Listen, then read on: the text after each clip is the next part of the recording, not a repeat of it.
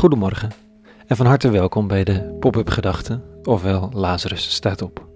Ik ben Rico en mijn dag begint met een moment van meditatie. Een uur van stilte, van schrijven, van denken, van delen. Ik lees even na zessen de Bijbelteksten van de dag en begin dan te schrijven.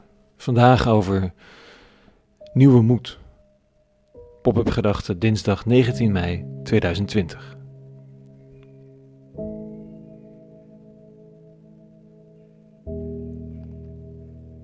Het zijn twee woorden die me raken op deze vroege ochtend. Nieuwe moed. Precies wat steeds opnieuw nodig is. Gek eigenlijk dat je leven steeds opnieuw weer zo'n dosis nodig heeft. Moed om aan de dag te beginnen. Moed om de ander onder ogen te komen. Moed om jezelf onder ogen te komen.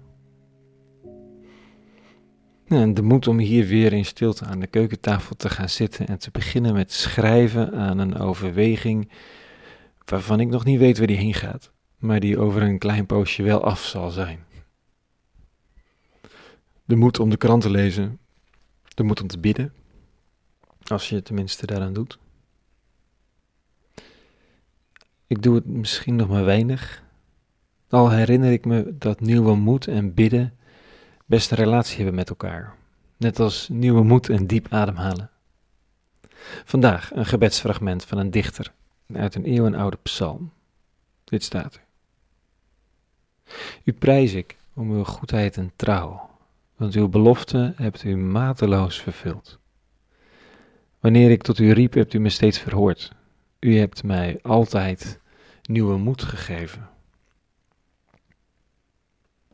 De man in kwestie, schrijver, de poëet, heeft een bron te pakken waar elk lichtelijk uitgeput mens jaloers op zou zijn.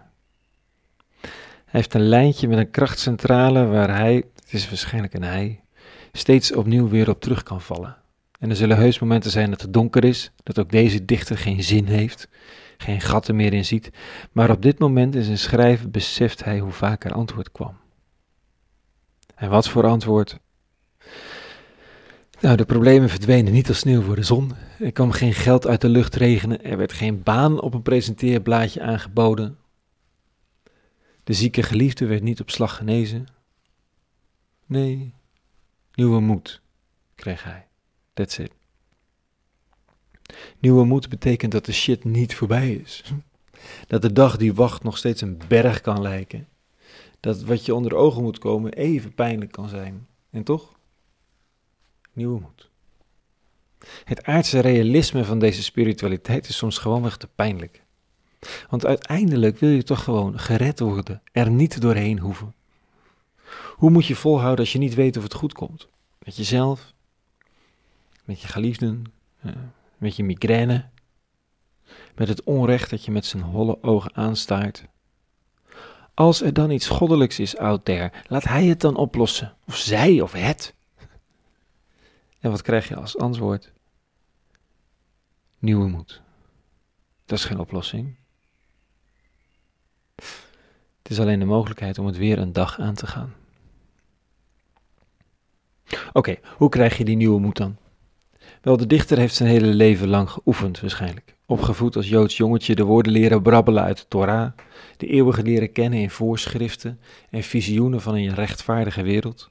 En hij heeft geleerd om te bidden.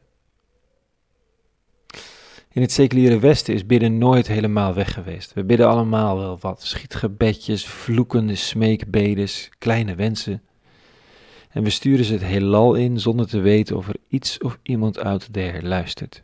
Soms zelfs in de vaste overtuiging dat er niets of niemand out there luistert. Maar het lucht lekker op. Er zijn er ook altijd gebleven met een vaste overtuiging dat wie de stilte zoekt, de ogen sluit of juist opent, de handen vouwt of juist opent en de aandacht zoekt voor de eeuwige, de eeuwige een kracht achter en in deze wereld die er altijd geweest is en altijd zal zijn, dat je dan gezien wordt en gehoord. En lang niet altijd stroomt een nieuwe moed door je heen, maar het gebeurt wel. En er zijn er die absoluut niet geloven, maar toch weer zijn gaan bidden. Precies om die nieuwe moed. Je hoeft niet te weten hoe het zit. Misschien is het voor de westerse mensen al nu wel onmogelijk om te geloven wat er allemaal geschreven staat. en wat ons in zo vaak zo ouderwetse beelden als christendom is overgedragen. Misschien hoeft het wel helemaal niet. Misschien is de handeling van een gebed voor eerst wel voldoende. Wat nieuwe moed is voor iedereen nodig. En ze zeggen dat de eeuwige geeft zonder verwachting of verwijt. Zoals de zon die opgaat. Je hoeft alleen maar uit de schaduw te stappen om je te koesteren in de warmte. Tot zover vanochtend. Dit was de pop-up gedachte. Meer te vinden op lazarusstaatop.nl. Een hele goede dinsdag gewenst. En moed, vrede en alle goeds.